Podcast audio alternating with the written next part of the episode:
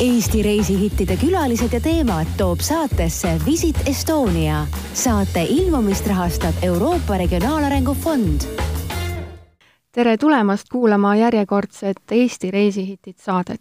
minu nimi on Teele Teder ja nagu eelmises saates lubatud sai, räägime me sel korral saartest. olen selleks puhuks stuudiosse kutsunud Visit Saaremaa juhi Margit Kõrvitsa ja Hiiumaa koostöökogu juhi Reet Kokovkini. tere tulemast stuudiosse! Aitäh kutsumast ja tere, tere.! ma olen kuulnud, et äh, saarlased ja hiidlased ei saa omavahel liiga hästi läbi.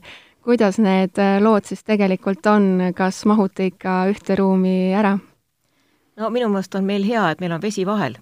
nii et äh, ei teki sellist ruumi küsimust, aga mandri inimesele ma arvan, et see on selline noh, ütleme põnevuse tekitamine, et kas ikka saavad või kas ikka ei saa või, või tulete kohale, vaatate et minu meelest on see tõenäoliselt selline aastasadu kestnud teineteise tögamine, mis ju käibki naabrite juurde, nii et viimane nali, mida ma kuulsin, oli see, et kui Kuressaares oli suur vihmasadu, siis visati seal nalja, et no keegi küsis turiste, et kuidas ta Hiiumaale saab, siis oli see, et ei, ei, Hiiumaale ei, ei, see läks koos selle veega ära juba, et aga milline aeg on kõige mõnusam külastamiseks, äh, kui konkurents teenindaja tähelepanule on kõige väiksem? et kui Saaremaast rääkida, et siis noh, tõepoolest, et ähm, inimeste reisimisharjumused on ju aastatega muutunud ka, et äh, tõenäoliselt enam ei peljata ka sellist aega nagu aprill, mai või september ja oktoober ja Saaremaal on ju kõige enam päikest üldse nagu Eestimaal, meil on kakssada viiskümmend päikeselist päeva.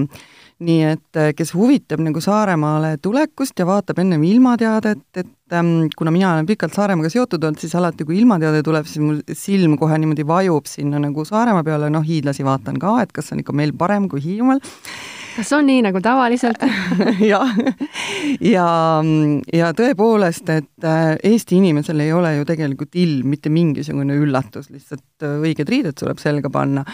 ja me oleme muidugi tohutult teinud ka pingit, pingutusi selle hooaja pikendamise äh, nimel ja, ja noh, Saaremaal on ju muidugi see eelis, et meil on aastaringselt olemas hotellid, spaad, väiksemad korterid, majutused, et et selle taha ka asi ei jää, nii et äh, aprill ja mai on ka juba noh, kes sündmusi otsib, leiab ka sündmusi ja tihtilugu on ka saartel võib-olla natuke parem ilm ja pehmem ilm ja saab nagu ringi sõita ja ja vahest need aprillis äh, või oktoobris tehtud fotod näevad ka väga suvised välja, nii et äh, igatahes julgustan kõiki tulema siis äh, ka madalhooajal, et äh, võib-olla siin hiljem räägime, anname paar nippi ka, et mida madalhooajal teha no äh, parandaks siiski ära, meil on kakssada viiskümmend üks päiksepaistelist päeva, nii et äh, me saame olla täiesti äh, konkurentsivõimelised ja isegi ületame saarlasi. seda, me, seda me vaatame aasta lõpus nüüd siis nagu jaanuaris, et aga, aga tõesti äh,, mul on siin selline äh, mõte veel, et äh, et meie, ma olen kuulnud meie majutajatelt jah, et, et tegelikult nad on ju aasta ringi ava-, noh, hotellid on loomulikult aasta ringi avatud, aga ka ütleme, sellised väiksemad majutuskohad, et inimesed tulevad eh, pikki nädalavahetusi pidama ja naudivad väga ja ja ei olegi sellist eh, aastal enam sellist vahet sees. et eh, talvel on omad lõpp, mõnud ja, ja tullakse jõuluaega juba pikendama, nii et selles mõttes on meil majutustegevus väga hea. aga mida võiks siis inimene nagu otsida äh, tegevuseks, äh, meil on ju oma inimeste tegevused ja oma inimeste sündmused ja ja kinod ja teatrid ja näitused ja galeriid, eks ole, mis on ju avatud äh, oma inimestele ja aastaringi ja need on väga põnevad ja väga huvitavad.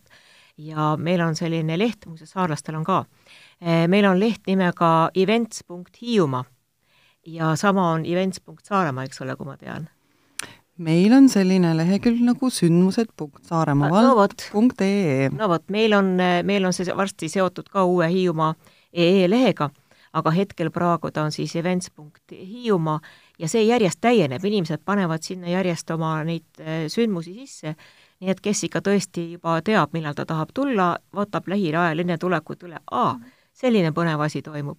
et äh, sinna olete kõik väga, väga oodatud Kuressaare lossi ja Kõpu tuletorni teab enamik eestlasi. millised on aga need kohad, mis on nii uued, et mandrile pole info veel hästi levinud? no meie saame nüüd küll öelda, et äh, meil on nüüd nii uus koht, et seda pole veel avatud, aga tule, avaneb tema detsembris ja selleks on meie elamuskeskus Tuuletorn. mitte tuletorn, vaid tuuletorn ja see on Käinas. no nii ja..., mis seal teha saab? No esiteks on seal Baltimaade eh, kõige kõrgem ronimissein. ma nüüd päris täpselt meetrit ei oska öelda, aga oli vist kakskümmend neli meetrit, et see on nüüd tõesti nagu, nagu vinge asi.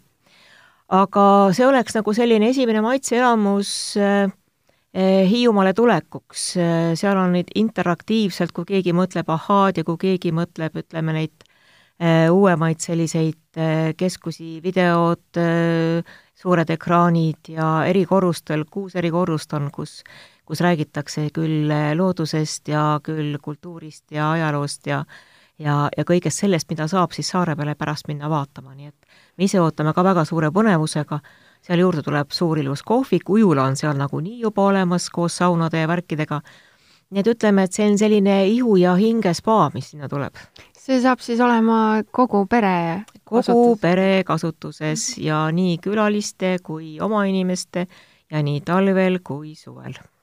kõlab väga hästi. mis Saaremaal uudist? Saaremaal on viimasel ajal hästi palju teemaks olnud just nimelt see mm, rikas ajalugu ja pärandkultuur ja eriti uhked on saarlased kahe loo üle. Üks on siis Ultima Thule lugu, tuulekoda on siis ähm, selline alternatiivmuuseum, mis põhimõtteliselt ajab sulle pada, aga teatud mõttes on seal ka ühtes nagu tõde sees.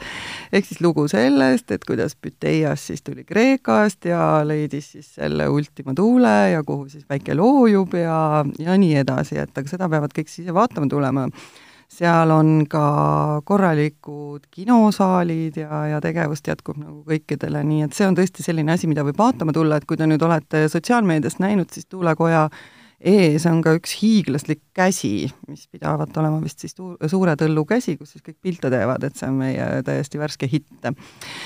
Ja, ja teine siis on Arhepaldi keskus, mis on ka seotud seotud ajalooga ja viikingitega ja mm, sellise müstikaga, et see on nüüd küll mitte nüüd see aasta avatud, aga noh, võib-olla ei ole ka temast veel nii palju räägitud ja loomulikult siis sinna viikingite teemasse läheb kaasva Viikingite küla, mis, mis tõesti väga jõuliselt seda viikingilt kultuuri propageerib ja saarlased on selle viikingite teema üle ikkagi nagu päris uhked praegu, meil muideks tuleb ülejärgmisel aastal ka Salme viikingi leidudest suur ülevaate näi-, ülevaatenäitus ähm, lossis, nii et ähm, see on juba sellise rahvusvahelise kõlapinnaga ettevõtmine.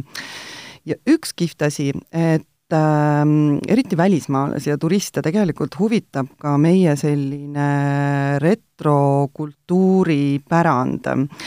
Et äh, ütleme, et aastaid tagasi oli esmaülesanne, et kõik need koledad Nõukogude aja jäänukid tõmmati lihtsalt nagu sirgelt nagu maha, aga Kuressaares on üks väga kihvt hoone, mida üks ettevõtja päästis tõepoolest maha lammutamisest ja see on ka nüüd muinsuskaitse all ja tegu on Saare kekiga.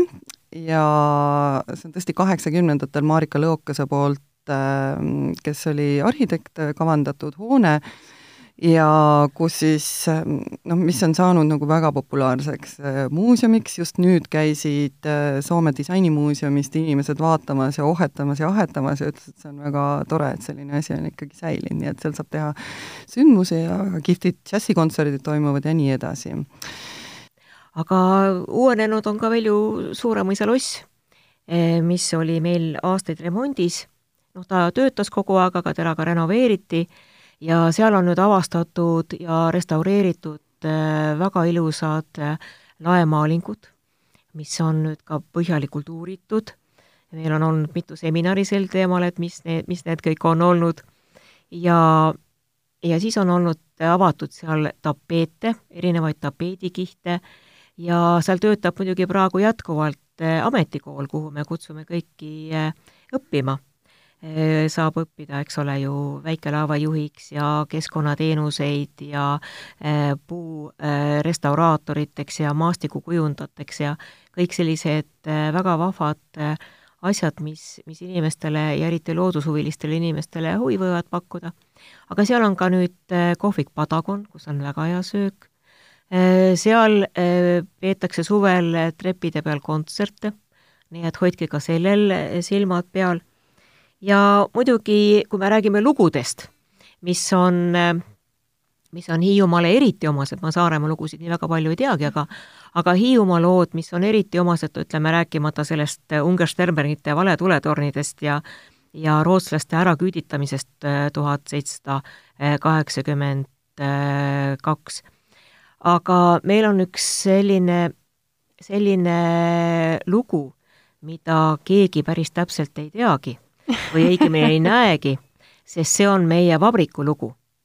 ja eh, meie vabrik, eh, Kärdla Kalevi vabrik, mis ehitati valmis tuhat eh, kaheksasada kolmkümmend, mis oli Loode Venemaa impeeriumi suurim vabrik, seal oli tippaegadel kaheksasada inimest tööl ja sa-, vabrik ehitas töölistele majad, eramajad, niisugused väiksed, algul rentis, pärast müüs, tegi kiriku, ehitas, ehitas kooli, ehitas haigla, lõi käima seltsielu ja see töötas imehästi, andis kvaliteetset toodangut, äh, mida, mida müüdi üle kogu maailma ja vabriku lugu lõppes tuhat üheksasada nelikümmend üks, kui võidukad väed ta lihtsalt kivihaaval laiali tassisid, maha põletasid ja tühjaks riisusid võib-olla oligi see hea, ma arvan.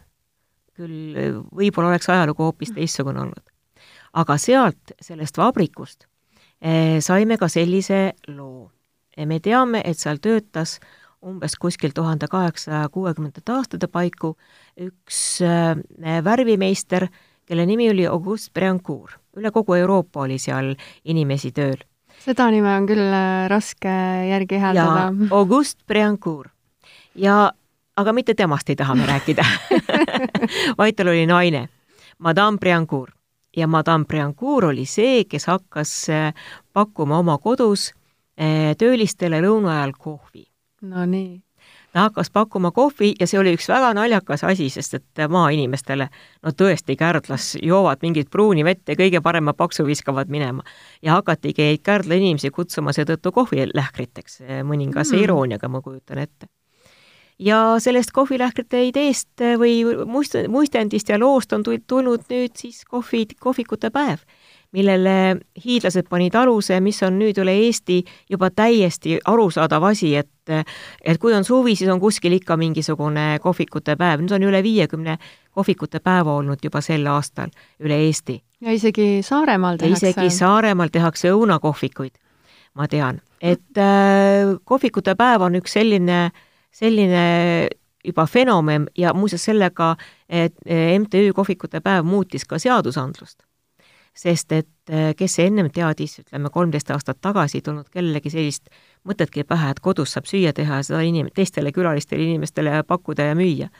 aga Vetamet eh, võttis õppust ja nüüd on see täiesti võimalik, nii et kasutage seda võimalust ja avage kohvikuid üle Eesti ja väljaspool Eestitki ja see kõik on siis suuresti tänu Hiiumaale, ma saan aru äh, see on suuresti tänu kahele naisele, äh, Ere Naat ja Lii Johansen, kes selle asja ette võtsid ja kes seda siiamaani veavad ja leiavad järjest uusi mõtteid, kuidas seda teha veel nagu paremaks ja nüüd kahel viimasel aastal ka loodussõbralikumaks. see on nüüd tõesti üks väheseid asju, mida hiidlased on alustanud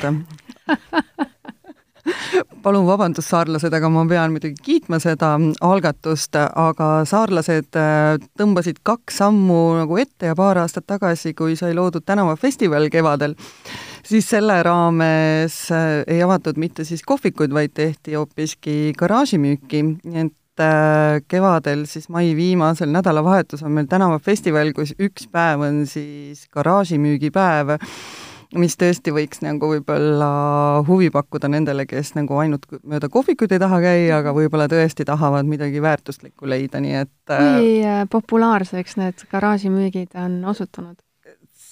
Need on osutunud väga populaarseks, nii et esimesel aastal tänavafestivaliga seoses arvati, et no heal juhul, kui näiteks mingi no kui me viis majapidamist nagu pehmeks räägime, et siis on nagu hästi, aga nagu tõenäoliselt kohvikute päevgi hakkab ise elama, siis, siis ka garaažimüügipäev hakkab ise elama, et et no nüüd oli vist, ma ei mäleta, viimane kord üle neljakümne nagu kodumajapidamise, kes lükkavad oma garaaži uksed lahti ja te võite ainult ette kujutada, et seal on nagu nööp nõelast ikkagi tõesti nagu Volgadeni välja, et äh, aga räägime saarte hästi varjatud äh, saladustest ka, ehk siis äh, sellistest kohtadest, mis on juba ammu-ammu olemas, aga kus käiakse teenimatult vähe? üks tõesti selline elamust pakkuv koht võib-olla Saaremaal on, ähm, on ähm, Reomäe nunna klooster, mis tegelikult on äh, circa kümme kilomeetrit Kuressaarest ja tee peal näitab silt kogu aeg ja paljud kohalikud sõidavad ka sealt lihtsalt mööda ja, ja ei astu sinna sisse. aga ma tean juba mitu aastat, et meie restoranide kokad käivad seal nunnadega vestlemas ja nende käest erinevaid tooteid ostmas. ja nüüd äh, nunnaklooster oli ka avatud kõigile äh, avatud taludepäevade ajal, aga mis selgus, et see nunnaklooster on tegelikult avatud iga päev. Ja inimesed sinna lihtsalt ei satu, nad ei keera sinna, aga suvel on nunnaklooster avatud tõesti vist oli see üheksast õhtul kuueni ja seal elavad nunnad räägivad kõik eesti keelt, nad võtavad kõik inimesed vastu, nad püüavad tegeleda kõikidega nii palju kui võimalik, nad tutvustavad oma elamustingimusi, nad tutvustavad seda, kuidas nad mesilasi kasvatavad, nad müüvad öö, oma tehtud siirupit, mett, äh, toovad Kreekast oliive, pakendavad neid, nad röstivad isegi kohvi seal kohapeal wow.. ja see on, äh, see on täiesti elamus, nii et need inimesed, kes tahavad korraks astuda nagu suure tee pealt kõrvale ja saada, saada sellise puhastava ja rahustava elamuse, et see tasub ennast ära ja kui sa ostad nende mm, kas ikoone, mida nad maalivad, või siis mingid toiduained, mis nad teevad, et et samas sa toetad ka nendega, nende kloostri elu seal. ja nad on tõesti avatud inimesed ja, ja räägivad noh, naisterahvas näiteks Saksamaalt räägib tõesti puhtalt eesti keelt seal, nad on avatud aastaringselt, see on nagu tõesti, ma ütlen, et see on mulle endale ka fantastiline kogemus, ma olen sellest kogu aeg kuulnud ja nüüd alles käisin, nii et soovitan, soovitan kõikidele, kõik mu sõbrad on nüüd juba seal käinud, kellele ma olen soovitanud seda. see on kindlasti koht, kuhu ma tahaksin ise lähiajal minna. ja, ja, ja siis võib-olla ka see, et äh, noh, sealt Nunna kloostrist nüüd edasi, et meil on ju Saaremaal circa nelikümmend kiru-, kirikut, et, et võib-olla need keskaegsed kirikud ja ja, ja, ja noh, võib-olla mõned ongi seal natukene nagu isegi rohtu kasvanud, aga, aga noh, need on just need, et mida võiks nagu avastada, et lisaks, et inimesed käivad tuletorne vaatamas, aga noh, samamoodi, et no mõisad ja, ja, ja siis ka need keskaegsed kirikud. ja käige ära äkki Lääne-Saaremaal, on Odaletsi allikad kus saab maailma kõige puhtamat vett ja kui sa seda vett endale näo peale paned, siis tõenäoliselt jääd sa nooreks terveks eluks. Eh, mina kutsuksin inimesi, eh, külalisi eh, meie muusikafestivalidele. no kõik teavad, eks ole, Sõru džässi, mis on suursündmus ja ja siis ka Hiiu folki, mis on suursündmus. aga peale selle on meil selliseid muusikafestivale, mis mis on äh, tõesti avastamata ja ma ei teagi, kas mul on ka vaja neid reklaamida, aga aga üks nendest on näiteks Pühalepa äh, muusikafestival äh,, mida, mis toob nii äh, head esinejad kohale ja mis on ainuke festival, kus järjepidevalt Erki Svendüüri mäng-, mängitakse. sest et Erki Svendüür on ju Hiiumaa poiss ja nagu ta iseenda kohta ütleb, Hirmuste küla äh, vana ja, ja tal on nüüd sel aastal ka juubel.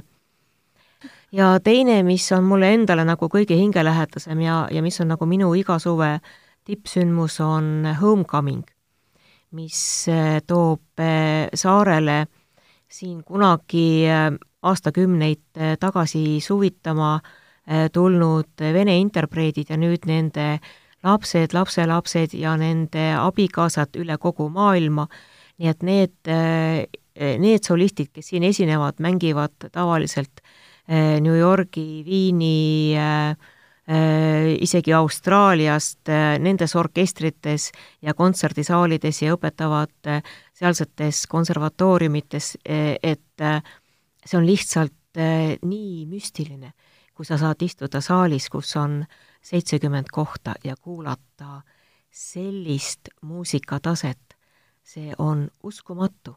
Aga siis, mida veel võiks inimesed rohkem kasutada, on selline äh, selline võimalus, et kaluriga merele minna. et äh, sa lähed ju noh, näiteks ju nagu kaluriga minnakse merele, et kala püüma, aga kala püüdmisega on nii, et sa kas saad või sa ei saa, eks ole. aga merel koos kaluriga ja kuulad neid lugusid, seda sa oled igal juhul võidumees juba ju. aga kuidas äh, seda saab, kuidas saab ka kaluriga kalale? imelihtsalt. Me anname iga aasta välja sellise kataloogi, Hiiumaa kataloogi, ja ta jõuab äh, tavaliselt nende turismimesside ajaks äh, välja, aga ta on ka internetis olemas Turismiliidu ja hiiumaa.ee leheküljel. ja seal on terve lehekülg äh, pühendatud sellele, mismoodi äh, kaluriga saab ühendust võtta, kes on nagu selleks valmis ja kes tahavad külalisi viia merele. ja, ja hülgeid vaatama ja, ja kõik see sellised, ühesõnaga me oleme ju, me oleme ju mereriik, eks ole on ju olemas kolm maailma tuntud mereriiki ja just sellises järjekorras. Need on Hiiumaa, need on Inglismaa ja need on Saaremaa. nii et kolm sellises järjekorras maailma tuntumat äh, Saaremaa, Inglismaa ja Hiiumaa. ei, ei, no, no, no ei, ei, ei, ei, ei, sa eksid praegu, oli Hiiumaa, Inglismaa ja Saaremaa oli Hiiumaa, aga ja, nüüd on Saaremaa. ei, ei, ei, ei, ei, meie selle koha pealt ei vaidle praegu ja tõsiasjadele me vastu ei saa. aga siin kataloogis ongi need äh, kõik täiesti olemas, kõik need äh, kas oli vist üheksa või kümme praegu hetkel neid kalurid, kes tahavad tulla. aga saarlastel on nüüd kaljas Hopet, mis on suurepärane atraktsioon ja mis võib-olla ei olegi nagu see info nii palju mandrile jõudnud, kes teeb äh, päikeseloojangu reise ja reise Abrukale ja, mm, ja mis imelisi lugusid kõike, nii et äh, guugeldage purjelaev Hopet ja te näete, millise uue atraktsioon, atraktsiooniga siis see aasta nagu saarlased välja tulid aga millistele väiksematele saartele, laidudele soovitate retke teha, kui inimene on juba Saaremaal või Hiiumaal? No mina tooksin esile kõigepealt väga äh, erilise saare ja see on Kassari saar.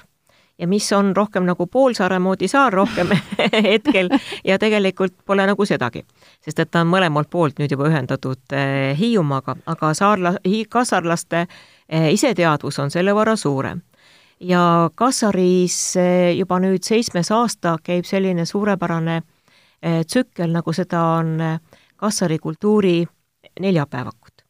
Ja Kassari ja Orjaku saar on seal pannud ser-, seljad kokku ja kutsuvad inimesi kuulama lugusid, pajatusi, rändusid ja imetlema eelkõige ka meie Orjaku sadamat. ei ole ilusamat sadamat maailmas kui seda on Orjaku sadam ja ta järjest rohkem areneb, nüüd eh, tehti veel üks kai kalameestele ja kohe-kohe valmib siis nüüd kolmest majast viimane, mis on siis päästemaja, aga ma käisin just kohvikute päeva õhtul, käisin, vaatasin kai pealt sinna sadama poole, kui oli juba natuke hämar ja kui juba tuled Eh, tuled põlesid.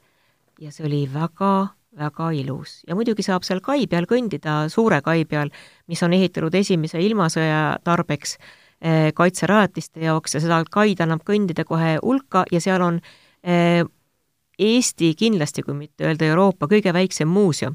kõige väiksem kõige muuseum. väiksem muuseum ja see on endine veeloodimaja. ja kui sa jõuad sinna selle kai Äh, kai keskele, siis seal ongi see veeloodimaja, sa lähed trepist ülesse ja veeloodi ta seal enam ei ole vaja, sest kõik käib ju nüüd interneti teel, seal on põrand alla ehitatud, aga seal on siis selle küla ja külaseltsi lugu ilusti näitamiseks, nii et äh, tulge Eesti kõige väiksemasse muuseumisse. kas Saaremaal on siia midagi vastu panna? Saaremaal muidugi, õnneks on vastu panna, et ähm, me väga soovitame külastada siis oma väikseid naabersaari ja seda enam, et kui sa oled pikemal puhkusel Saaremaal ja kui sa ei taha seal väikesaartel nagu väga pikalt aega veeta, siis sa võid teha sinna vabalt ka ühe mingisuguse päevase väljasõidu. ja no loomulikult on nendeks Abruka, Vilsandi ja Ruhnu saar, aga miks mitte ka Muhu külje all olev Viirelaide Virelaid on nüüd tõesti vist nagu kõige väiksem saar, kuhu, kus äh, on võimalik siis peatuda ja ööbida ja suuremate ja väiksemate seltskondadega, sinna küll ei lähe nagu ähm, transporti, seal tuleb omanikega kokku leppida. no mina omakorda kutsuksin siis äh, Hiiumaa laidudele ja Saarnake laiule eelkõige, mis äh, ongi selline vaikuse ja, ja mõnusa olemise koht ja sinna äh, on kalurid ehitanud nüüd äh, selliseid äh, majak-, majakesi, kus äh, saabki puhata, kus, mida saab välja rentida, nemad rendivad välja neid, ja noh, nii pikaks, kui vaja on, toovad sind oma kaluripaadiga kohale, viivad ära. Ja noh, seal saad sa ise oma, oma kulinaarseid võimeid proovida ja ja võrratu saun on seal, kusjuures selline pisikene saun ja siis jooksed sealt niimoodi merre niimoodi pauhti, et noh, trikood ei ole vaja selga panna. nii et äh, selline, selline, sest kedagi teist ei ole ju seal. sa oledki seal selle koha peal üksi, mis sa oled endale välja rentinud ja ja, ja saad käia minna matkamas äh, Pärna rängale ja eriti, kui on pärnade õitsemise aeg, see on selline püha koht ja nägijad ütlevad, et seal on väga mõjus, mõjuv sammas on seal, energiasammas ja need äh, pärnad, äh, nende pärnade õied on erilise sellise tervistava, äh, tervistava võimega. aga räägime toidust ka veel natukene, et mis on need õiged saare maitsed ja mille poolest siis nüüd jälle siis taaskord Saare ja Hiiumaa omavahel erinevad? ma arvan, et me ei erine. ega ei erine jah. jah, suurt midagi, et, et eks ma arvan, et see on nagu Itaalias, et iga pereema võitleb nagu ja, oma, oma maitsete eest mm. -hmm. et, et kes on nüüd selle kala paremini suitsutanud või praadinud, et või suurema püüdnud, et ähm, kuna me mõlemad ikkagi ju seal mere, meredes üles elame, siis äh, eks see kala on ikkagi nagu esimene, aga mulle meeldib väga see saarlaste tuhlis ja nott. et äh, tuhlis on kartul mm, -hmm. nott on soust. ahah, ahah Hiiumaal on tuhlis ja on näiteks mandilaga. mis see veel on no umbes sama nagu nott või umbes sama nagu nott, ainult koorega ja ja, ja noh, tõesti, et ütleme, et Saaremaal on ka üks äh, toidukoht äh, teen natuke reklaami, Lümanda söögimaja, kus äh, tõesti juba vist kakskümmend või rohkem aastaid pakutakse kogu aeg, menüüs on tuhlisenott ja see tõesti ongi keedukartul ja, ja üks korralik soust. mina tahaks rääkida hoopistükkis sellest, kust toit tuleb.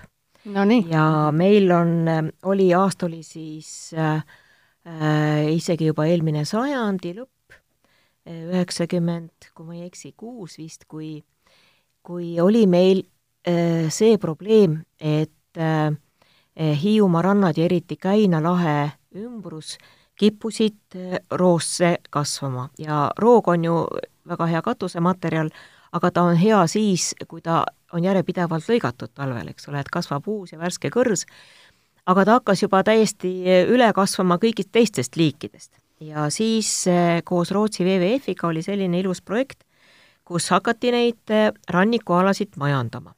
ja majandamine käis niimoodi, et toodi kohale esimesed Šoti mägiveised, nii et kõige esimesed Eesti Šoti mägiveised tulid Hiiumaale. ja Hiiumaalt eh, viidi, eh, see projekt hõlmas ka siis Matsalu ja hõlmas ka Vormsit. ja see projekt käis niimoodi, et need mägiveised renditi välja siis talunikele, talunikud panid nad Äh, sööma nendele rannakarjamaadele. Ja nüüdseks on need karjamaad ja need rannikualad täiesti tundmatuseni muutunud.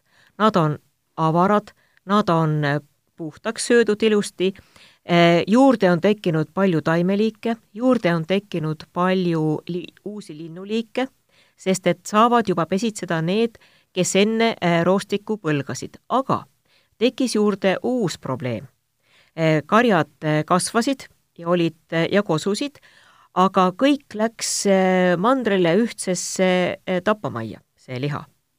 ja siis aasta oli siis kaks tuhat üksteist, kui siis liidri maaeluprogramm Liider toel me avasime mahetapamaja ja see tähendab seda, et nüüd need veised ja lambad, kes kujundavad meie rannikud ja loovad selle tõelise saartele omase sellise maastiku, et nende liha saab ka väärindatud nüüd eh, mahelihaks. Ja, ja saabki meie eh, tapamajast siis maheveiseliha ja mahelambaliha. ma arvan, et näiteks Saaremaal olles võid sa täiesti vabalt äh, saada söönuks ainult Äh, kohalikke tooteid ostes, et äh, põhimõtteliselt ei peagi nagu, võib-olla mõned Hiiumaa asjad on head, ma tean.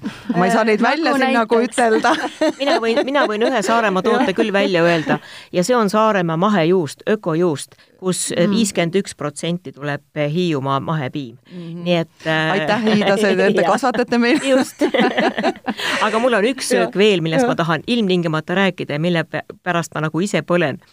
ja see on Eesti sült Eesti sült. Eesti sült ja ainukesena teeb, keedab eh, kogu Eestis Eesti sültsi päris eh, traditsioonilisel viisil, nii nagu teda keedeti vanaemade ja vanavanaemade poolt. see on meie Hiiu köök ja pagar. ja nemad seda teevadki ja nad muuseas tarnivad seda ka eh, mandrile ja see säilib päris hästi, oma viis päeva kindlasti tulete Saaremaale, siis küsige, üks tore toit on veel saarlastel, on pannileib. ja see on umbes midagi sellist, et vaatan, mis kodus, mis kodus järele on jäänud ja teen, aga see on nii mm, tõesti nagu hõrk asi ja seda minu meelest saab Saaremaal igas äh,, igas koobipoes. kas seal on ikka leib ka siis sees? no ta on nagu pannileib, ta on niisugune krõbe, seal on nagu sink ja kõike, no kõik selliseid asju, mida noh, nagu, mis ei ole justkui nagu võib-olla väga tervislik, et ta on väga rammus, aga see on nagu tohutu hitt on ju, et see nagu alati meeldib kõikidele, kui, kui seda tehakse, aga mis ma veel tahan öelda, et et nüüd uute maitsete otsingutel siis saarlased on üritanud ka hakata nagu ähm, kasutama ära nagu kadakat jõulisemalt, nii et see kadakas siis nagu koos oma okste ja marjadega igatepidi läheb siis kas siis söögi või joogi sisse ja, ja noh, juba meil on, kogub kuulsus siin Saaremaa džinn ja, ja on lahjendage toonik, no mis iseenesest on ka nagu limonaad, ehk siis toonik, mille nimi on ähm, Kuressaare kuusk, ehk siis viimane jõulukuusk on tegelikult saba ja karvadega kõik kenasti pressitud kenasti pressitud üheks imeliseks joogiks, mille nimi on lahjentage. nii et ja see äh, joogi, joogi autor ja tegijad on ise jälle Lahetaguse külalt, äh, külast pärit, kust omakorda on jälle pärit admiral Bellingshausen, kes avastas Antarktika no teie juttu kuulates tekib küll küsimus, et mida me siin mandril veel teeme õige küsimus, no tõesti aga ongi aeg äh, saate otsad jälle kokku tõmmata. meie saarte kohta leiab rohkem informatsiooni www.puhkaeestis.ee. Kuulmiseni! Eesti reisihittide külalised ja teemad toob saatesse Visit Estonia. saate ilmumist rahastab Euroopa Regionaalarengu Fond